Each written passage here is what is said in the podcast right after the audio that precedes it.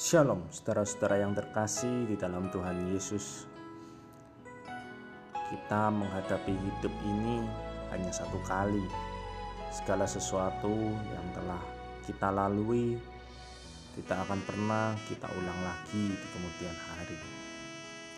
Mari saudara-saudara semua, kita belajar hari lepas hari akan kehidupan ini belajar untuk terus memancarkan kasih Kristus bagi dunia ini. Akhir-akhir ini dunia sangat gempar dengan virus COVID-19. Tapi bagaimanakah reaksi kita dalam menghadapi goncangan seperti ini? Apakah kita berfokus kepada COVID-19 itu ataukah kita tetap berpegang teguh kepada janji Tuhan bahwa segala sesuatu yang ada di dunia ini ataupun segala sesuatu yang ada pada kita semua ada batas waktunya. Ketika kita berfokus kepada wabah virus COVID-19 maka iman kita akan semakin lemah dan kita akan semakin jauh daripada Tuhan. Mari saudara-saudara, sekalipun begitu kerasnya goncangan akhir-akhir ini, tetaplah kuat di dalam iman, tetap bersandar penuh kepada Tuhan. Sebab masa depan itu sungguh ada dan pengharapan itu nggak akan pernah hilang di dalam Tuhan Yesus. Marilah kita terus belajar setiap hari, sekalipun keadaan sukar sekalipun.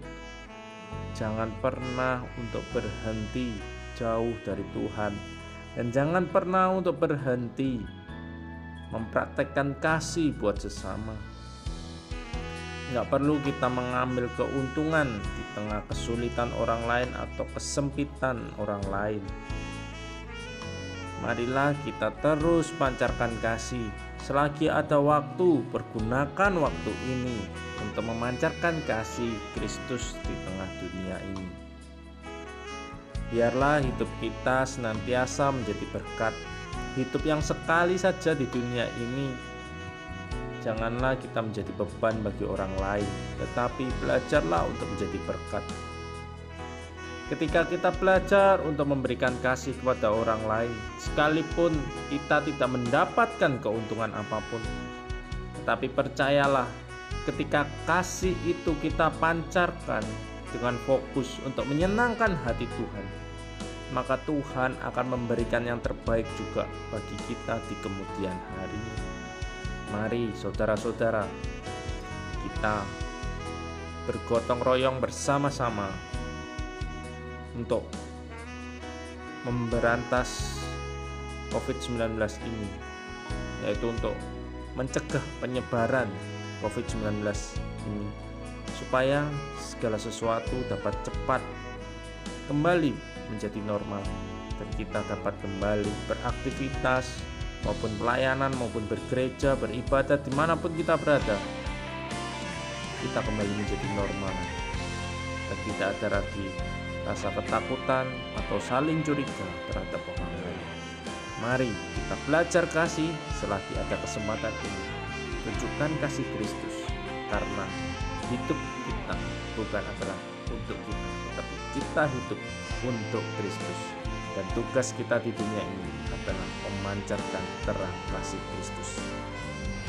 Tuhan Yesus pasti akan menyertai, memberi kekuatan, kesehatan, dan memberkati kita semua. that